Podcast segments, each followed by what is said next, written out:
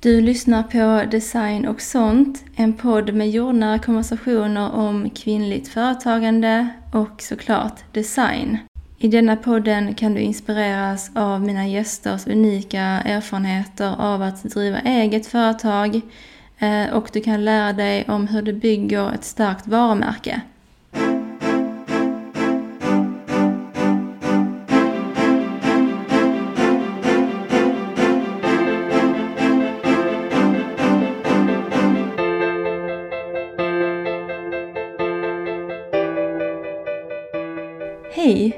I detta avsnittet kommer jag att reda ut och eh, förklara olika termer och begrepp som är viktiga för eh, företagare att känna till. Och detta är då termer och begrepp som rör det här med varumärke eh, eftersom att jag är varumärkesdesigner. Men som jag nämnde så är de viktiga för alla typer av företagare att känna till eftersom att oavsett vad man gör i sitt företag så har man ju ett varumärke. Även om man säljer och erbjuder tjänster och inom citattecken själv är varumärket. Och eh, nu jobbar jag med just detta.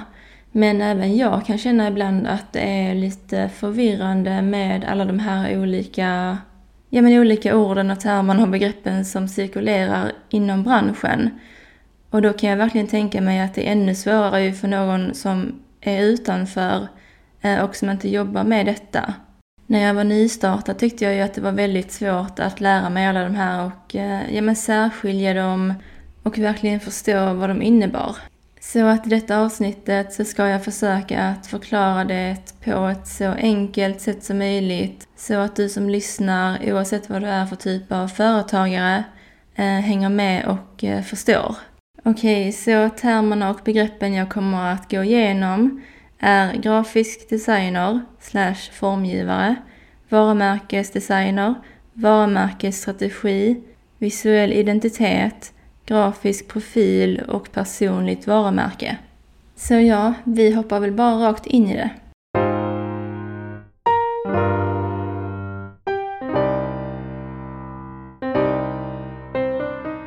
Grafisk designer då, som också ibland kallas grafisk formgivare, är en rätt eh, bred titel som kan innebära att man gör många olika typer av saker.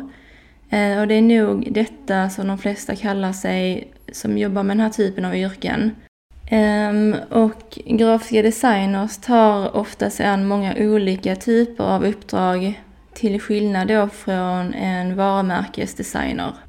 Och detta blir en väldigt bra övergång då till varumärkesdesigner som Eh, till skillnad från en grafisk designer har ett expertområde som är då varumärkesdesign.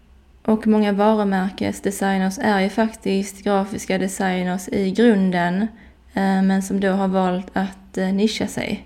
Och det är kanske värt att nämna här att många grafiska designers erbjuder ju tjänster såsom logotypdesign, grafisk profil och så vidare. Och det är här förvirringen för många kommer in. Eh, för att man kanske inte tror eller förstår att eh, en grafisk designer och en varumärkesdesigner, eh, att de är två olika saker. I och med att liksom, ja, varumärkesdesign går ju kanske lite grann under grafisk design.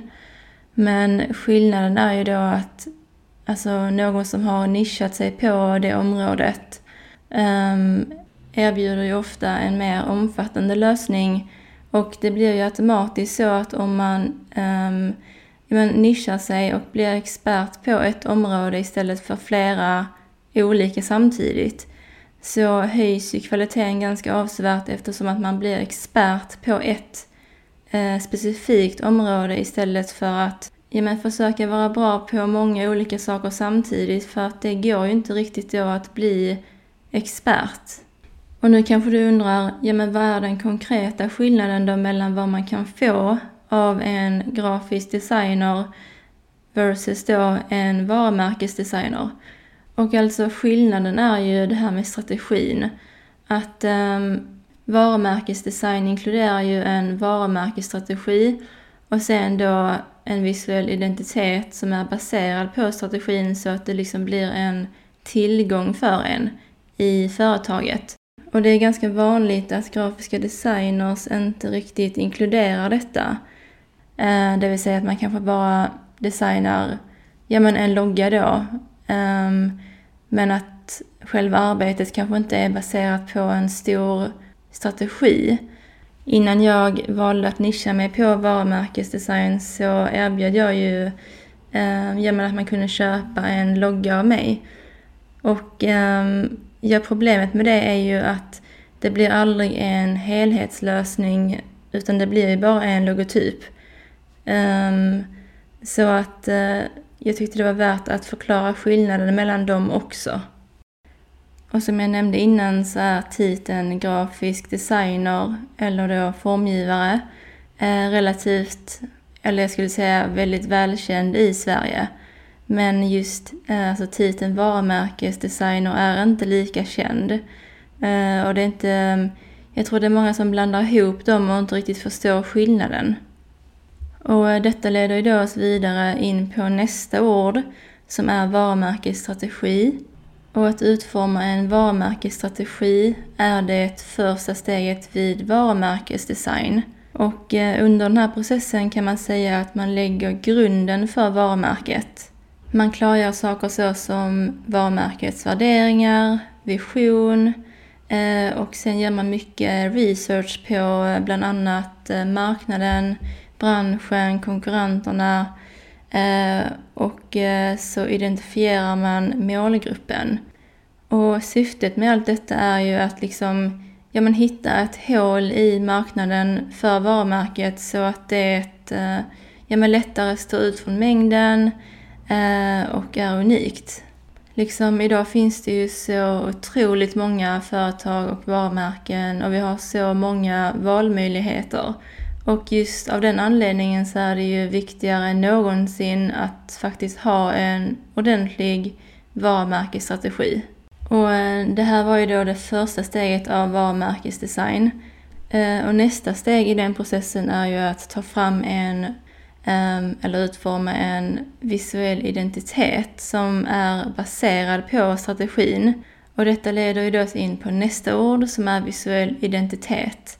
Och under denna processen designar man då allt visuellt material eh, för varumärket. Ehm, alltså logotyper, eh, man tar fram en färgpalett, typografi, ehm, symboler, mönster, illustrationer och så vidare.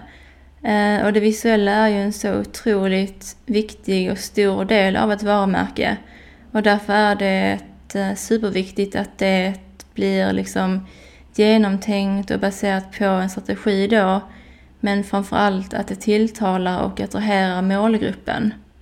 Man kan säga att den visuella identiteten är ett varumärkes skyltfönster.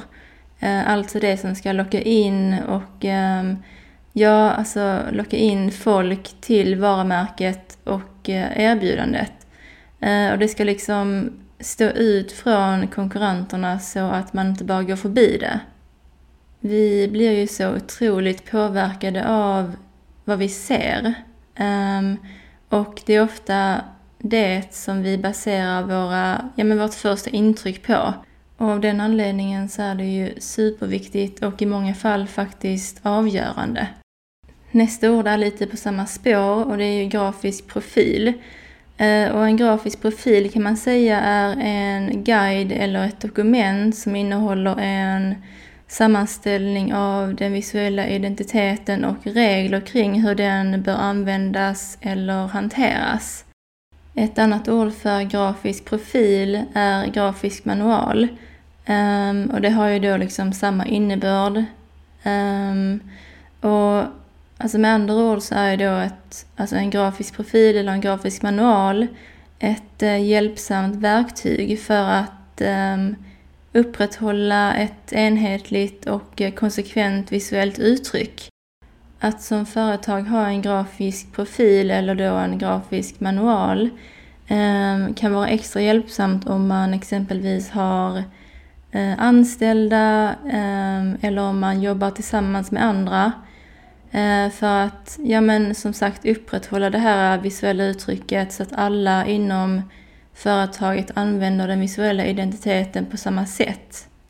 Och en grafisk profil eller då en grafisk manual eh, kan vara ett ensidigt dokument men det kan också vara liksom ett flersidigt dokument i form av kanske en pdf eh, med allt från ja, 10 till 30 sidor beroende på liksom omfattningen. Så är det viktigt att ha en grafisk profil eller då en grafisk manual eh, som företagare? Ja, för att jag har varit med om ett antal gånger att jag har levererat det jag ska till kunden. Eh, men bara för att man har de här mm, visuella elementen då som jag levererar till dem så betyder inte det att man vet hur man ska använda dem.